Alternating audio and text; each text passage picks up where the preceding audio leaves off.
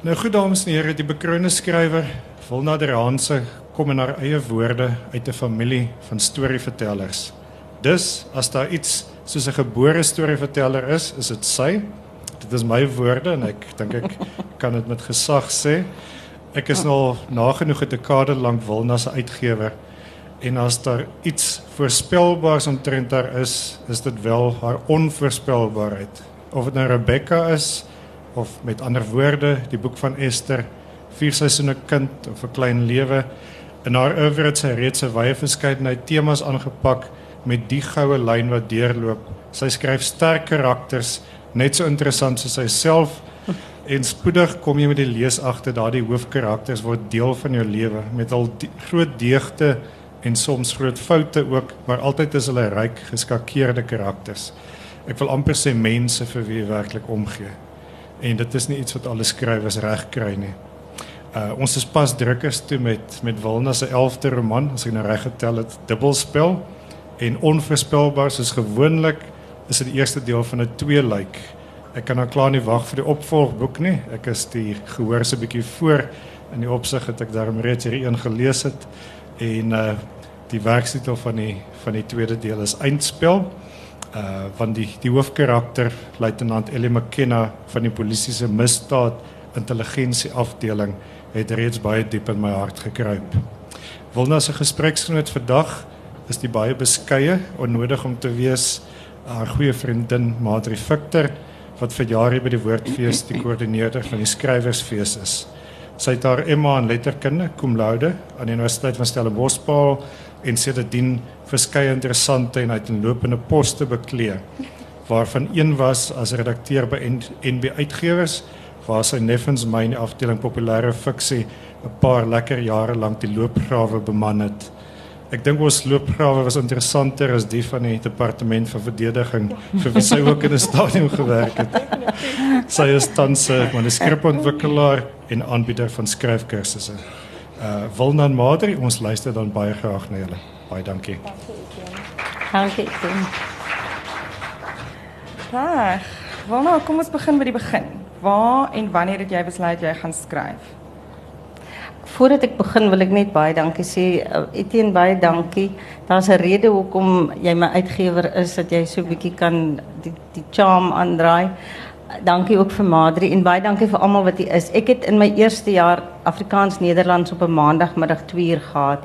En ek dink dit is die klas wat ek die heel minste bygewoon het. So vir almal wat 2 uur bereid is om hierheen te kom, is ek baie dankbaar. Ehm um, waar dit begin.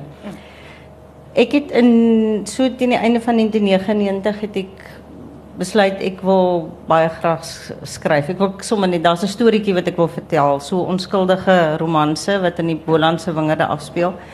En gistermiddag het ek met mense geëet by Mirati. En so tussen die wyn en die kos, ehm um, het ek weer so half teruggeloop op die paaie van die eerste roman. En ek het dit ook onder 'n ander naam geskryf want ek was verskriklik bang mense dink ek wil nou 'n skrywer wees en ek wil eintlik net die een storieetjie geskryf het. En ehm um, ja, toe die gogga gebei daarna en toe was ek bevoorreg geweest om by die regte mense te beland en daarvan af het dit aangegaan. Dan kyk nou waar sit jy, né? Net van een storie wil skryf. Ja. Ek was um, altyd of ek is eintlik nou nog bang hierdie was die laaste dat daar nie nog een gaan kom nie. nee, wat? Daarvoor is ek nie bang nie. Ehm um, en jy het nou eers romanses geskryf en met Rebecca 'n sprong gemaak of hoe? Ja. Hoe het ja. Rebecca gekom? Ehm um, of hoekom die sprong? Waar dit waar dit gebeur? My destydse uitgewer het na my toe gekom en vir my gesê sy voel so half of daar 'n gaping in Afrikaans is tussen die romanses en dan nou die ernstiger ehm um, letterkunde. Ehm um, so bietjie groter uh, van groter omvang letterlik en dan meer karakters, bietjie meer in diepte kyk na allerlei dinge.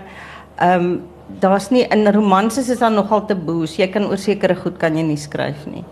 En hierdie was 'n lekker uitdaging want skielik was die was die deure oop gewees en jy kan net jy kan net oor soveel meer goed skryf. Jy kan dit gaan nie net oor die liefdesverhouding nie, dit gaan eintlik oor alle verhoudings wat wat tussen mense is. Ja, ek ek wil jou nou oor daai verhoudings vra, maar ek wil net eers gou dit vra. Dink jy die romanses was vir jou 'n goeie wegspringplek, 'n oefenplek amper as dit ware vir vir 'n langer roman?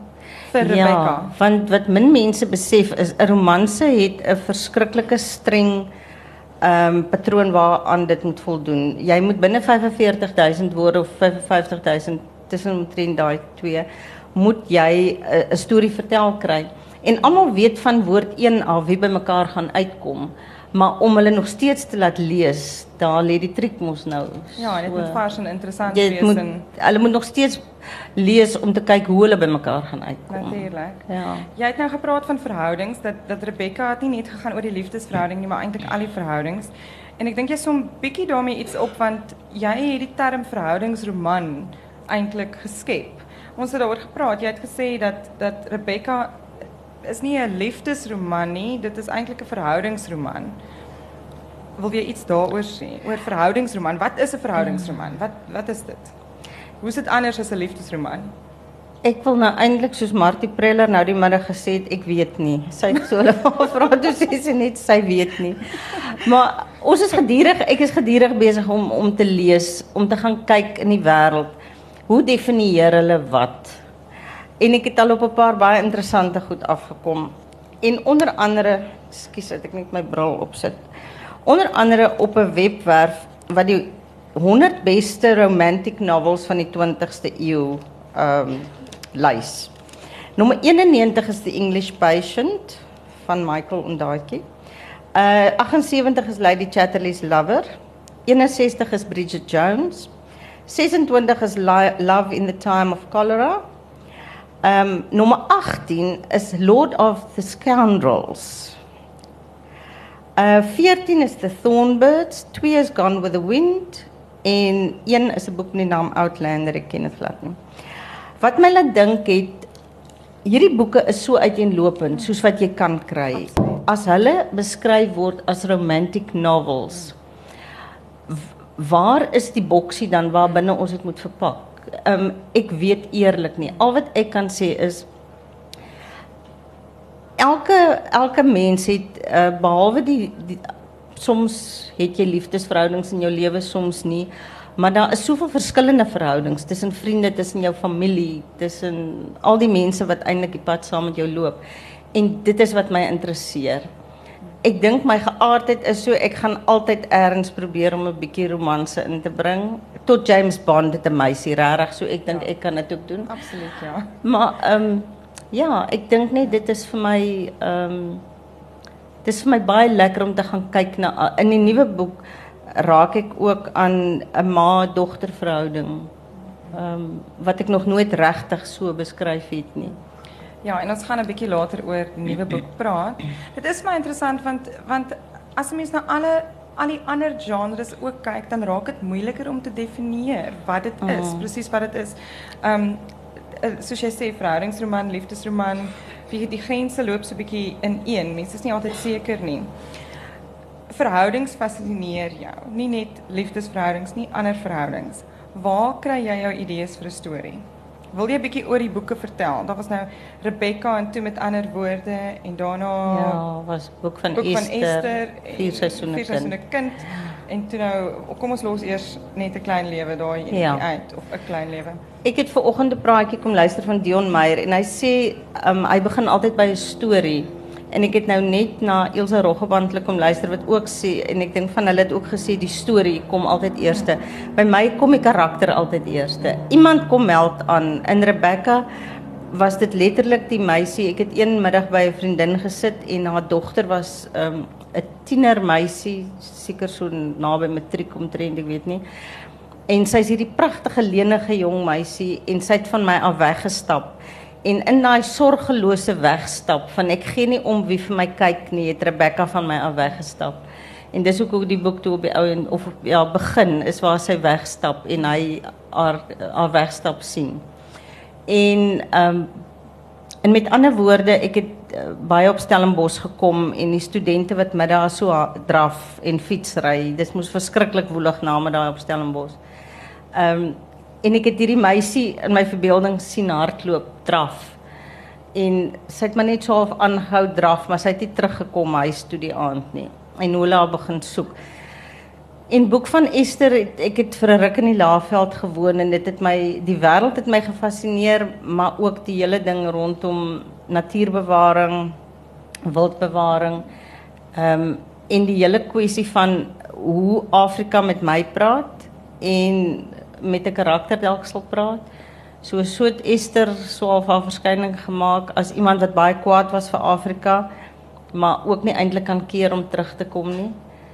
En toe ek besig was so aan die einde van boek van Esther het ek ek het altyd gesê ek gaan nooit 'n opvolg skryf nie want dan gaan ek net kloon. En ek was so amper klaar met Esther gewees toe word ek een oggend wakker en my man sê altyd ek moet hierdie storie versigtig vertel want die manne met die wit jasse gaan my kom haal. Maar toe hoor ek baie duidelike stem wat vir my sê jy moet my storie vertel en toe sit 'n karakter wat uit met ander woorde kom die drama student.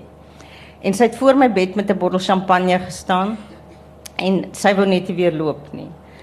Um, en hierdie die nuwe boek, um, ek het 'n uitvoering bygewoon, 'n musiekuitvoering seker so 2 jaar terug by die Woordfees in die Moederkerk. En om een of ander rede kon ek nie die aan konsentreer nie en ek het begin rondkyk in die Moederkerk. En skielik het ek 'n meisie sien sit agter die orgel en twee vreemde mans het agter in die kerk ingestap en sy het geweet hulle soek haar.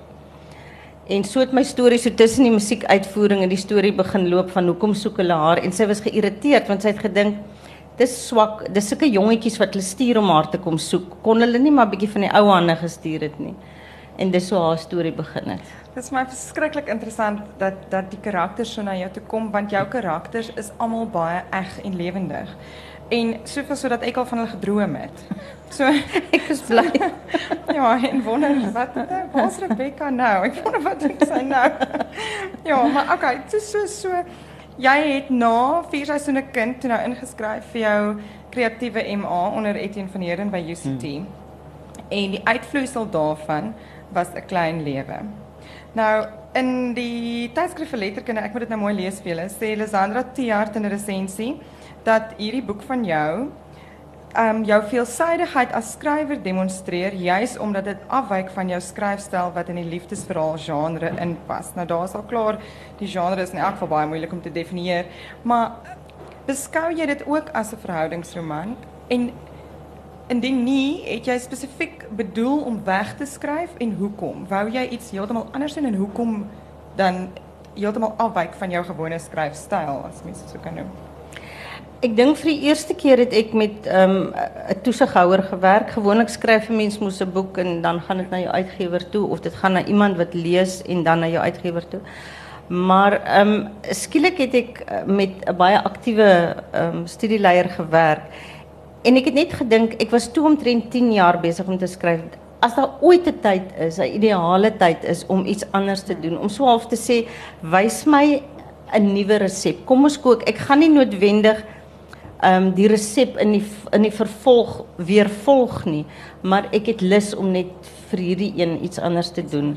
Maar as ek terugkyk, dan is die verhouding maar nog steeds daar. Die verhouding tussen ouers en kinders, tussen ouers of of mense en werkers, tussen ja. Jy pak dit eintlik net uit 'n ander uit heeltemal uit 'n ander ja. En was dit vir jou moeilik daai skuif?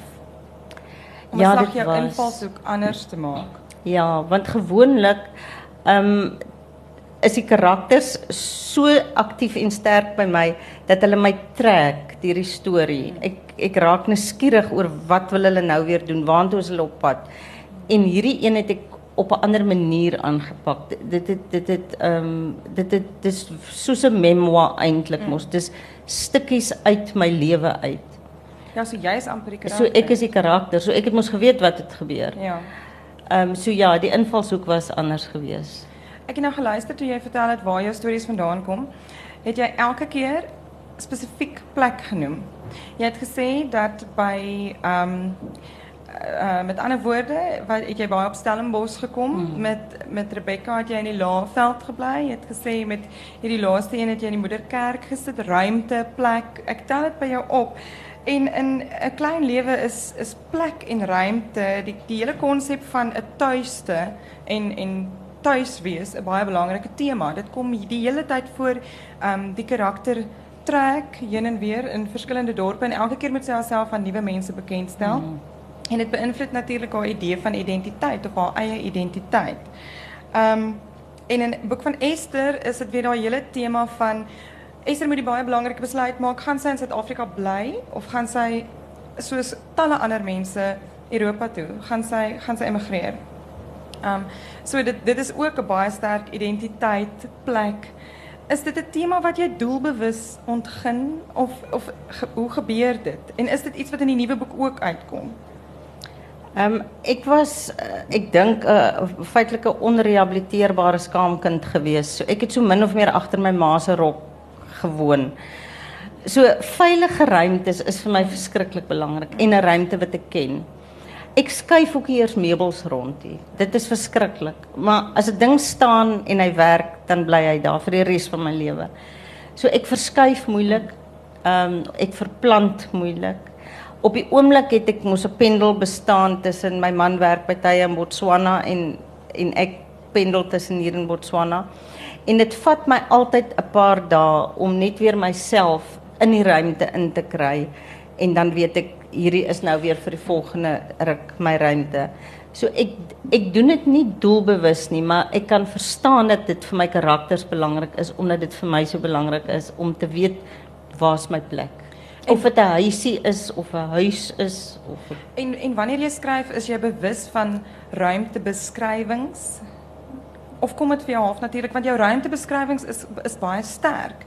Um in al die boeke wat 'n mens lees, het jy baie sterk idee van die ruimte waarin die karakters hulle bevind. Ek bedoel, um mense het al vir my gevra, waar is die kliniek in ja. Stellenbosch wat wat met ander woorde beskryf? Um dit dit dit word so lewendig. Jy is so bewus daarvan. Ek ek weet, um vriende sê ook vir my dis so lekker om Rebecca te lees want jy kan gaan stap oral daar in die Kaap. Jy weet jy dit is so lewendig, dit is so eg.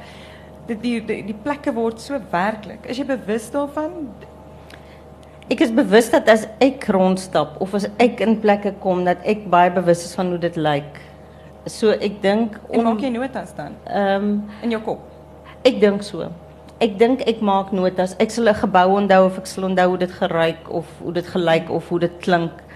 Ehm um, en ek dink wanneer ek dan begin skryf, is dit outomaties dat die karakters dit ook sal optel, mm. dat hulle sal weet hoe dit lyk waar hulle is. Ja, want dis deel daar dis deel van die ding wat jou karakter so lewendig maak vir mense, dink ek dat hulle dat hulle ook so bewus is van die ruimte om hulle nie net, jy weet, 'n karakter is wat maar iets mm. doen nie, maar wat wat volledig bestaan binne die ruimte wat jy skep daar van hulle. Um, en dis hoekom hulle voel asof hulle regtig in die Kaap loop. Jy weet of hulle regtig hier op iewers op Stellenbosch is en jy hulle gaan sien as jy hier afry in die straat. Ek is baie bly as dit die geval is. Um, maar die die plek ruimte ding is my regtig interessant in die identiteit. Jy het in 'n onderhoud oor die boek van Esther het jy gesê dat Afrika as kontinent jou fascineer juis omdat dit so onvoorspelbaar is en dit sluit aan by wat Etienne gesê dat jy so onvoorspelbaar is. Um, en dan sê jy vir alles mense dit vergelyk met Europa of 'n Europese leefstyl wat jou gees kan afstomp. Hmm. Ek het gewonder presies wat jy daarmee bedoel. Jy gaan nou vir my dit verduidelik, maar ook of jy doelbewus dan inskryf teen so 'n afstomping. Want jou boeke wys vir my al hierdie verskillende dele van Suid-Afrika. Dit speel nie net in een plek af nie en jy wys verskillende mense en ingesteldhede en en politieke sienings en en sosiale sienings en ek ehm um, die kere wat ek met met Europeërs gesels het en die die kere wat ek daar was ehm um, is ek baie bewus ek is baie lief vir byvoorbeeld Europa omdat ek lief is vir die oudheid. Ehm um, maar die feit dat uh, in sekere dorpe byvoorbeeld uh, sal hulle die die munisipaliteit of hulle uh, plaaslike owerheid sal bepaal watter kleur die huise geverf moet word. Of in woonstelgeboue is daar baie strenge reëls wie mag wanneer 'n uh, uh, masjien aanskakel of sulke tipe van goed.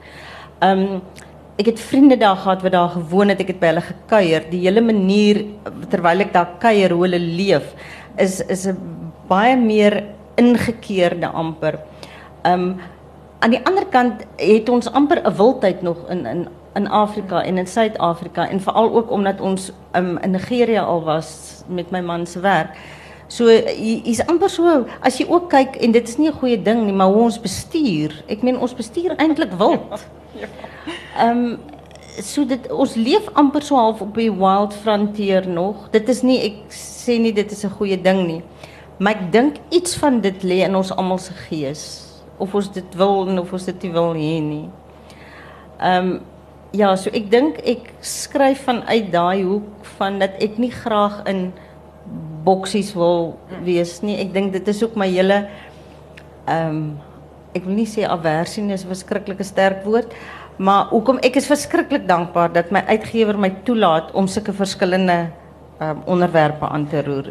Maar dis natuurlik hoekom jy verhoudingsroman begin het, die term. Want jy wou nie 'n liefdesroman skryf nie, jy wou nie gehad het hulle moet jou noem of jou sê jy skryf liefdesroman nie. Wie wat hartseer is, um, ek het nou die dag gelees dat hulle sê uh, oor see ook dat selfs die die baie goeie um, liefdesroman skrywers wat verskriklike groot pryse wen is ontsettend skaam om te sê hulle skryf liefdesromans en dit was nogal vir my hartseer geweest om te dink daar's so stigma aan aan die woord liefdesroman. Maar kyk, ons het nou al gevorder. Ek was eers 'n hygroman skrywer gewees. Ja, ja. En toe lees ek Maar dis 'n goeie ding deesdae met maar, Fifty Shades of Grey en al daai dinge. Ek het agtergekom party mense hy goed makliker as ander.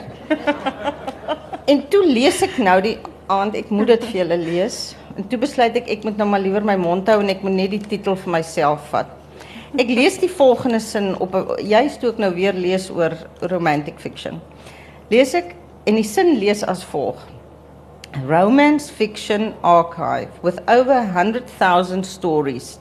Come in to read, write, review and interact with other fans. Ek lees Romance fiction archive with over 100,000 stories. Come to bed, write, review and interact. Duidelik. Hoe lank is Dion al weg? ja. ja, maar dit is ek dink as mens lees, lees jy nie met met 'n boksie in jou agterkop nie. Jy lees nie met die idee dat jy lees nou 'n liefdesroman of jy lees nou 'n spanningsverhaal nie. Ek dink jy lees net 'n storie. Jy wil net ontvlug ja, dit, of dit, dit is, jy wil net opgeneem word in daai storie en deel word van daai wêreld. As ek ook self, miskien kom dit as ek self ook lees, dan ek word so weggevoer deur 'n storie dat ek baie min vir myself vra voldoen hierdie boek aan al die vereistes mm. van 'n spanningsverhaal of 'n liefdesverhaal of 'n letterkundige werk. Mm, Natuurlik. Uh, stories fascineer my. Ja. Ek, ja. Jy het net nou iets genoem, jy het gesê ons het almal hierdie wildheid in ons. Is dit is daai wilde ongetemde ding van Afrika? Is dit wat jou so fascineer van van Afrika as kontinent? Wat is dit wat jou so bind aan Afrika? Ja, ek dink tog dat die ruimte ehm um, die die niks dat daar by op plekke niks is, eintlik niks is nie.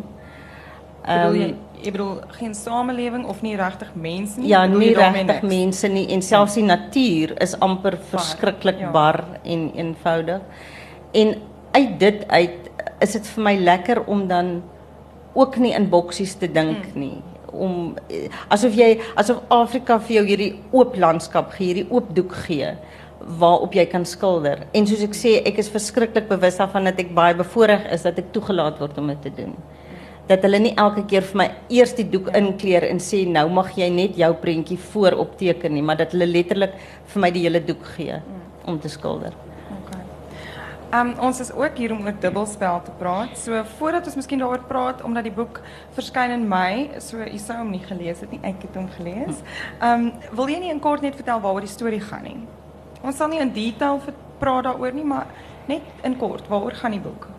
Um dit gaan oor 'n vrou, sy so knap na 30, sy werk vir die polisie. Um is 'n maar sy gaan na sy kom uit 'n uit 'n familie van polisie. Haar oupa was in Ierland in die polisie, haar pa was in Suid-Afrika in die polisie en dan sluit sy op by die polisie aan. En dan kry sy die geleentheid om ehm um, kan ek maar die woord undercover gebruik. Ek is nou nie seker wat dit is nie. Ehm um, in te gaan in 'n by 'n familie, 'n Italiaanse uh, man eintlik. Ehm um, wat besig is met allerlei smokkelbedrywighede. Ehm um, die storie het 'n paar beginne gehad. Ehm um, wat vir my interessant is, want dit bewys het net weer vir my bewys dat ehm um, reality is far stranger than fiction. Ek het een aand in 'n met 'n joernalis ehm um, sit en gesels en hy sê vir my die volgende sin en ek kan nie eers onthou die konteks waarin dit was nie dat daar geweldig baie Interpol polisie ehm um, of Interpol lede in Houtbaai hawe is en ek begin kliphard lag en ek sê vir hom hoe waar kom dit nou vandaan en hy sê vir my die groot vragskepe gooi die dwelms in in kratte af in die diep see en dan gaan die vissersbote uit. En dit gebeur hier en dit gebeur in Mosselbaai en oral by die klein hawes dan gaan al die vissersbote die die dwelms want hulle word nie deursoek as hulle inkom nie. En dit het so half hier agter in my kop gaan lê. En voordat ek my kom kry, toe kry hulle hierdie kratte of of containers, houers wat buite Mosselbaai gevind is. Ek dink julle sal onthou dit was in die nuus gewees wat daar ronddryf. En elke ding wat ek ergens opgetel het, ek het met 'n speurder gaan praat en alles wat hy vir my vertel het, dan die volgende oomblik gebeur dit in die werklike lewe. En so die drade begin loop van wie is almal in die land wat hier betrokke is? Wat is hier regtig aan die gang? En dit is nie 'n moordstorie nie. Daar is wel 'n moord in die, maar sy probeer nie die moord oplos nie. Sy's in die gedeelte wat probeer agterkom hoe hierdie netwerke saamwerk om al hierdie bedrywighede want dit is van renosterhoring tot ehm um, perlemoen tot enige ding word gesmokkel sigarette enige ding word gesmokkel en dit was ook vir my interessant geweest want dit was ook maar net weer as jy dit afbreek verhoudings tussen kollegas tussen haar en die mense wat haar eintlik moet help en wat haar moet beskerm in hierdie want jy is jy's geweldig uitgelewer as jy so 'n werk doen. Ek het ehm um, een van die lekkerste dinge van skryf is die mense wat jy ontmoet en vir wie jy kan gaan raad vra. Ehm um, by mense gaan sit om vir my te verduidelik hoe presies werk dit as hulle so iets doen. En om dan agter te kom hoe uitgelewer hulle is en hoe belangrik dit was dat die mense wat na haar moes kyk, weet dit moet doen. Hmm. En ja. Ek gaan nou net met jou praat oor jou navorsing, maar dames en heren, jullie het nou die moeite gedaan om twee uur op een vrijdagmiddag voor ons te komen luisteren. So jullie is in bevoorrechte positie. Jullie gaan heel eerste die omslag van dubbelspel zien. Dit is dus die omslag gelijk. So jullie gaan hem niet kan mis op een rak nie. Hij gaat in mei maand verschijnen. Dank je. En ek sê sommer nou al as daar is die 22ste Mei 'n bekendstelling, amptelike bekendstelling en as jy uitgenooi wil word, moet jy asseblief na die tyd jou naam daar vir Eben Eben gee daar amper sê Eben Venter. Eben Pinaar gee daar agter sodat hy jou naam kan opsit. OK. So Wilna, jy het nou 'n bietjie aangeraak. Jy het gesê die lekker deel daarvan is die mense met wie jy kan gaan praat en wat vir jou kan verduidelik en die mense wat jy natuurlik so ontmoet. Um Ellie, jou twee hoofkarakters, Ellie is in die polisiediens en Nick is in die privaat sekuriteitsbedryf. En 'n mens hoor die hele tyd op die nuus van van renoster, horing, smokkelary en stropery en geweld en misdaad in in dwelms en al hierdie goed, maar wanneer 'n mens die boek lees, raak dit nogals vir jou meer eg. Dan raak dit vir jou amper meer werklik, want jy word ingetrek in hierdie wêreld soos jy leef, ag lees, word jy ingetrek in die leefwêreld van jou karakters. So watse navorsing het jy gedoen of hoe het jy jou navorsing gedoen om hierdie wêreld te skep vir jou vir jou leser? En ek dink ons jy kan vir my hier ook 'n bietjie praat van ons kan praat oor hoe hoe jou karakters gesels ook want dit is ook vir my baie interessant dat hmm. jy skep nie net 'n polisiestasie nie. Jy skep nie net die wêreld van die polisiestasie nie. Daar was 'n klomp goed wat mos nou saam praat met 'n mens wanneer jy dit lees en een van die goed is hoe mense gesels, hoe hulle praat. Ehm um, ek ek weet daar's iets soos soos kreatiewe vryheid wat ons mag gebruik en ehm um, as iets verkeerd gaan in 'n boek dan roep ek altyd dit. Dan sê ek altyd ek het kreatiewe vryheid hier gebruik as iets nie as ek iets nie lekker beskryf het nie. Jou navorsing. As my navorsing goed is, my skoonpa het eendag vir my gesê as 'n helikopter in Manhattan opstyg en hy vlieg Boston toe, kan hy nie links draai as hy opstyg nie. En daarvan was ek baie bewus. Ek het eendag vir 'n vriend by met die boek van Esther gebel en gesê jy moet vir my vanoggend want hy vlieg self op. en hy boer in die Laagveld. Jy moet vanoggend vir my laat vlieg uit Johannesburg uit Laagveld toe. Toe sê maar van watter lughawe af wil jy opstyg? Toe sê ek dit maak nie saak jy moet my net veilig hier tussen die mynope uitkry. Um, ek hou daarvan as ek 'n boek lees dat die boek vir my iets van 'n wêreld gee wat ek nie ken nie. Of al ken ek dit dat ek dit 'n bietjie beter ken as ek die boek klaar gelees het. Dit is nie altyd moontlik dat jy tot op die laaste bietjie kan weet nie. Ek het byvoorbeeld ook op 'n olifant gaan ry dat ek kan weet of die olifant vorentoe of agtertoe of sywaarts skommel. Ehm um, of ek dit presies reg beskryf maak nie saak nie, maar dit is vir my net soveel makliker as ek dit gedoen het. So ek gaan gesels so wyd as moontlik en die mense is altyd dankbaar as mense bereid is om met jou te gesels. Ehm um, so wyd as moontlik gaan loop rond ek het 'n paar keer in die nag deur Kaapstad gaan ry. Nie regtig om iets te sien nie, maar om die gevoel net weer van die Kaapse middestad seepunt seepunt se midde of se ja, se uh, sakekern te kry in die nag. En dan hoop jy iets van die wêreld ehm um, kan jy so goed we weergee dat jy die die ehm um, leser kan saamneem na daai wêreld toe. Of hulle van die wêreld gaan hou of nie, dit maak nie saak nie, maar dit is op die oomblik jou karakter se werklikheid waar binne sy of hy gaan gaan wees. Ehm um, die ander ding is ook oor die taal ek ek dink alle skrywers doen dit, maar ons is ongelooflike agies as dit kom ons sal in koffiewinkels sit en jy sal baie eerder die gesprek agter jou sit en luister dalk as die een wat nie by jou plaasvind. Ehm um, en jou oor is die hele tyd ingestel vir hoe mense woorde gebruik, hoe hulle dinge sê, hulle uitdrukkings wat hulle gebruik. En dan ook die taal wat hulle praat. Ehm um, met ander woorde het ek geskryf en die karakters was studente en ek het baie met studente te doen gehad in daai stadium. En ek het probeer om soos die karakters moes soos hulle klink. So hulle het hulle het lelik gepraat. Hulle het so studente gepraat. Hulle het, hulle het 'n ding op sy naam genoem. Vier seisoene kind speel in die karakter se lewe min of meer 5 jaar later af. En toe ek met ehm um, vier seisoene begin, toe praat die karakters soos wat hulle 5 jaar terug gepraat het. En dit kon net dit het net nie gewerk nie. Tot ek besef het hulle is ouer. Ehm um, hulle praat nie meer so studente nie. Hulle hulle praat nie meer so lelik soos 'n student sommer net onbevange ding sal sê nie. En in hierdie boek spesifiek ook ehm um, ek het ek het regtig baie tyd met met ehm um, mense in die speurdiens spandeer. En dit is dis 'n harde wêreld. As iets gebeur, gaan niemand sê my maggies nie. Nee. Weet so vir my om te gaan skryf dat hy gesê het my maggies. Ehm um, weet dit gaan nie werk nie. Ek ek val jou in die rede. Nee, Ekskuus want ek dink ehm um, mense stel onbewuslik dit op wanneer jy sekere boeke lees, dan dan dink jy ag nee, dit kan nie wees. Jy dink nie spesifiek oor die taal nie. Jy dink oor die nee. omgewing, jy dink ag nee, dit ek glo nie dit nie. En jy besef nie dat 'n groot deel daarvan van daai ek glo dit nie eintlik vasgebind is aan hoe mense praat nie. Ja, dit... het jy al klagtes gekry? Klagtes van van oor karakters wat vloek. Weet jy nog nooit nie. Ehm um, en dit is vir my geweldig interessant. Ek die storie van Madri vertel, maar ek praat nou een oggend by 'n aftreeoord. En hulle vra vir my wanneer kom die nuwe boek en ek sê vir hulle eh, wanneer die nuwe boek kom en ek sê vir hulle maar julle moet onthou dit is weer 'n ander soort boek hierdie. Dit is 'n harder boek. Dit speel af in hierdie wêreld. So jy moet dapper wees vir hierdie boek.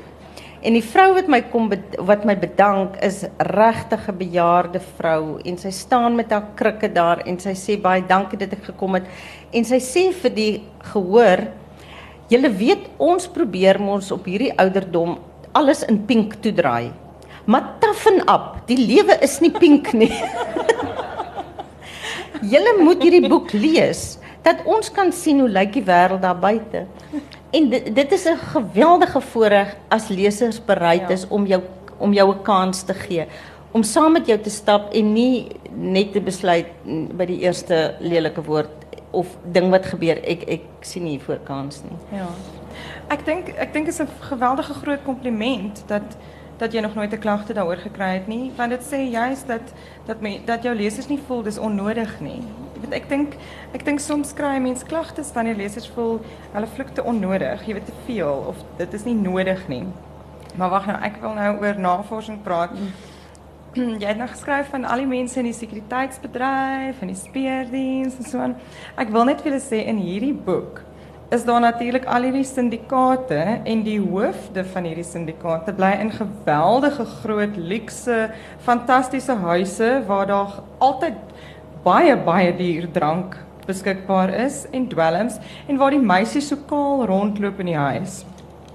Wat se navorsing het jy hiervoor gedoen? en wat sê Dion daarvan jou man? Ek mag nie al my triks uitgee nie. Jy sal ook sien in die boek het ek mense naamloos bedank want ek mag nie almal ek as ek nou weer by jou kom kuier wil ek van daai duur drank hê, hoor. ek sal ek sal vir jou van die duur drank gee. Dit ons spot nou daaroor, maar eintlik wys jy in hierdie boek 'n baie donker kant van die samelewing. Um dwelmmisbruik, geweld, prostitusie. Dit, dit al hierdie misdaadsyndikaate, dit is 'n donker kant. Dit wil hoe? Hoekom nou? Hoekom het jy dit nou gewys? Ek dink is die eerste van jou boeke waar jy so diep gaan in in 'n donker kant. Ek ek dink dit as ek maar weer net by die begin kan begin. Ek dink uh die karakter het my kom verlei om soontoe te gaan. Uh, ek het nog nooit en ek probeer ook nooit 'n tema kry en besluit dan ek gaan nou oor hierdie tema skryf want dit voel vir my dan gaan ek dit manipuleer. Um soos op die oomblik, op die oomblik is uh al hierdie syndikaate met uh, Kretschner wat gevang is en en al hierdie soort van goed. Um klink dit so asof 'n mens nou maar net op die uh, die waar spring wat nou aan die gang is en jy skryf ook daaroor. So ek kan met alle eerlikheid sê dat die die karakter het daar gegaan voordat al hierdie dinge gebeur het. Dis hoekom ek sê dis okay, soms ja. snaaks dat die werklikheid so die, die fiksie weerspieël amper. Ja. Ehm um, die donker kant dis daar. Jy weet dit dit is net daar, maar wat vir my vir myself interessant was is om te sien die donker kant is nie noodwendig altyd daar waar ons dit verwag nie, hmm. maar ook soms op die plekke waar ons dit nie verwag hmm. nie. En die mense wat veronderstel is om die lig te bring.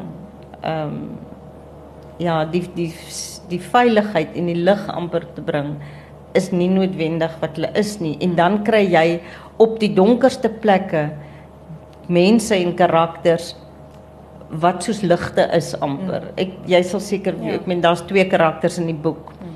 wat ehm um, die een is 'n prostituut en sy het letterlik in die boek ingestap. Ek het haar nooit beplan nie. Ek weet tot nou toe nie hoe sy daar gekom het nie. Ehm um, ja, en ja. en die ou wat die koerante verkoop. Mm. Ja hulle is net ja, karakters ja, wat jy verwag nie eintlik ehm um, dit wat hulle is nie. Ja, en dit is twee wonderlike karakters, maar weer ook reg menslik. Dis daai hele ding van mense is nie net goed of sleg nie. Daar's iets van albei in jou. Dis moeilik want die maklike ding is om goeie karakters te skep natuurlijk. en slegte karakters te ja, skep. Ja, natuurlik. En dan kom jy agter maar op 'n dag hierdie karakter het ook hierdie hierdie donker kant of hierdie kas wat se deur begin oop gaan. Veral as jy met iets werk, soos uh, die hoof van 'n misdaad ja. syndikaat, dan is dit maklik om te sê ja. baddie. Ja. Ek hou nie van hom nie. Ek hou nie van hom nie. ja. ja. Ja. Wat wat het jy gedoen om te voorkom dat dit 'n swaar boek raak? Want dit is nie 'n swaar boek nie. Dis nie 'n dit is nie dit lees maklik. Dit lees lees lekker al is dit 'n donker wêreld. Ek bedoel hoe kry jy dit reg sodat jou leser nie verval in absolute wanhoop en mis mismoedigheid nie? Wat jy doen nie, hoor jy gaan nie. Jy gaan baie van hy. Jy gaan nie verval in wanhoop nie. Ek ek weet nie, Madri. Ek ehm um, ek dink ons almal verstaan die lewe op 'n manier en ons almal leef in 'n wêreld wat nie perfek is nie. Ehm um, party van ons lewens is dalk meer perfek as ander of rustiger as ander. Maar ek dink almal as jy 'n rukkie geleef het, besef jy daar's maar die donker kant en die en die en die ligte kant en jy leef maar deur die donkerte en jy die karakters gaan deur die donkerte en dan die juwele van om op 'n dag tussen die donkerte is hier net iets wat lekker is weer. Ja. Jy drink ek meen sy drink 'n glas whisky wat haar pa leer drink het, 'n goeie glas whisky. Ja, En mooi dis toneel. so ligpunt in 'n dag of Ja. so iets. Ja. Hoekom kon net jy hierdie boek skryf? Miskien omdat sy net na my toe gekom het. Dit is 'n bietjie van 'n onregverdige vraag. Ja, ek glo elke ehm um, Dink kom ek stel dit so. Dink jy stories word vir spesifieke skrywers gegee? ek wil sê ja. Dit gaan ek kan dit nie verduidelik nie want ek weet as sy as iemand anders die die tema vat en die Mm. agtergrond vat, gaan hulle totaal 'n ander boek skryf. So ek dink dis 'n mengsel van hoe ek na die lewe kyk, hoe ek karakters skep, ja, wat maak dat ek hierdie soort of hierdie spesifieke boek of al die my boeke geskryf het en iemand anders sal dit vat en met presies dieselfde gegee sal hulle iets anders maak, skep. ja. Ja. Voordat ons vra ehm um, die verhoor of die vloer oopstel vir vra, wil jy nie net vir ons 'n stukkie lees uit die boek nie, uit die nuwe boek? Julle sien julle is ook ook gelukkig. Ehm um, nou net gou kyk. Ellie wens haar ma wil huil, snot en trane snikkend in plaas van die fyn snyfgeluide wat sy hier langs haar in die kerkbank maak. Sy het ook nie trane nie, maar sy snyf ten minste nie. 'n Mens kan op 'n afstand ryk haar maat iets gedrink al het sy beloof sy sal nie. Sy wat Ellie is kon haar seker beter opgepas het, maar dit was net te veel moeite. Jy moet na jou ma kyk, hoor sy haar pa se stem en sy kyk na die kus voor in die kerk. Sy kan nie help nie. Dis nie asof sy dit met opset doen nie, was altyd sy verskoning. En jy is nou al wat sy het, praat hy in haar gedagtes voort. Hy het die laaste tyd 'n paar keer met haar gepraat oor die dag wanneer hy dalk nie meer daar gaan wees nie. Het hy 'n voorgevoel gehad of wou hy net seker maak sy verstaan haar verantwoordelikheid teenoor haar ma? Waarom het ons hom nie uit 'n gewone kerk begrawe nie? vra haar ma onderlangs. Ek verstaan niks wat aangaan nie. Hierdie was sy kerk, fluister Ellie terug. Waarom sprinkel hy die doek oor die kus nat asof dit strykgoed is wat moet ingeklam word? Ma, dit maak nie saak nie. Haar ma sny weer. Here, hoe kon hy dit aan my doen? Rondom hulle is daar beweging en Ellie sak op haar knieë af. Agter haar fluister haar ma: "My knie is seer, ek gaan nie kniel nie." God of all consolation, help us to comfort one another in our grief, finding light in time of darkness and faith in time of doubt. Vader Frank se stem word 'n oomblik stil en Ellie skuif weer langs haar ma op die bank in. Sy kon nooit verstaan waarom mense kalmeerpille drink om deur 'n begrafnis te kom nie. Nou besef sy dis omdat sy nog nooit een van die voorbankers by 'n begrafnis was nie. Daar agter uit die cheap seats is dit maklik. Hier is dit 'n ander saak. Dis nie asof jy hier wil wees nie en jy besef eers wat die sitplekke se prys is wanneer jy die dag hier sit. Die uitsig is heeltemal anders. Daar is niemand tussen jou en die kus nie. En ander kan die kus sien jy hoe die dominee, die priester, die prediker se mond beweeg, maar niks wat hy sê maak sin nie. Niks lawe die seer nie. Geen woord laat die bewing in jou bedaar nie. Sy vermoed dis daardie bewing wat mense na pille laat gryp of na 'n glasie iets. As jy net deur die seremonie kan kom sonder dat die mense hoor hoe jy klappertand. Dis waarom die ouer geslagte so baie kinders gehad het, besluit sy. Vir hierdie dag, daar is krag in getalle.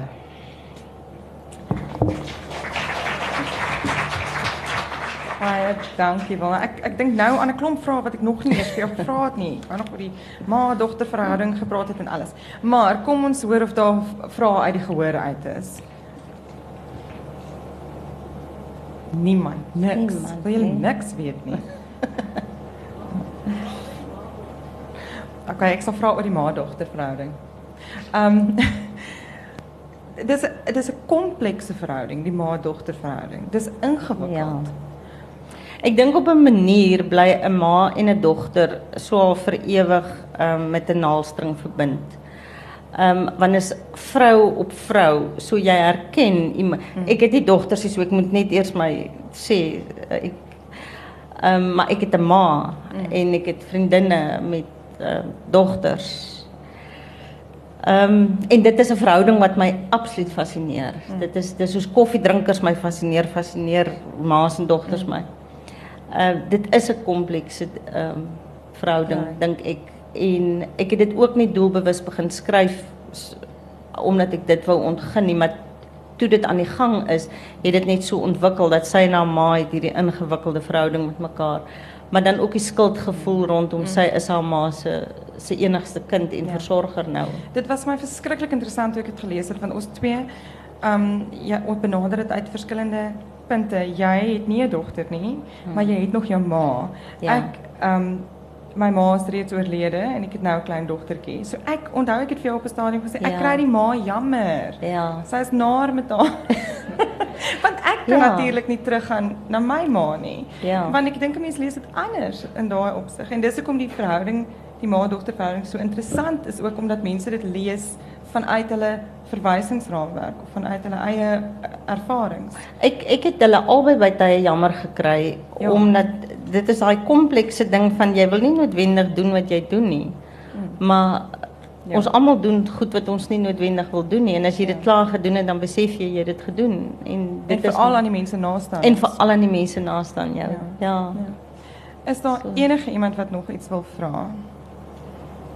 Almal het genoeg gehoor. Ek weet ek besef julle het nie die boek gelees nie. Is daar iets oor enige van daai ander boeke wat julle wou vra? Daar's 'n vraag. Hier is 'n vraag. Ek gee net so kans die, die mikrofoon kom by jou uit. Dankie. Daar was 'n Wat? vervolgverhaal in die vroue keer Milla se terugvlug.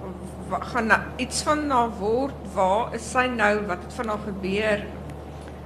Arme Milla en die bobbejaantjies is veilig in Pretoria aangekom uit donker Afrika uit. Ehm um, nee, ek kry nogal baie navrae as mense so iets skryf en iemand het uh, een of twee tydskrifte gemis, dan soek hulle nou daai bietjie inligting. So miskien eendag kan Milla erns 'n klein boekie word en ja.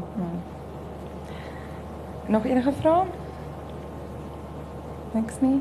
Dames en here, baie baie dankie dat julle vanmiddag na ons kom luister. Dit wil na baie dankie vir die interessante, lekker gesprek. Dankie Madri. Dit was regtig lekker en kyk uit vir hierdie boek asseblief. Hy hy is my maand op die rak.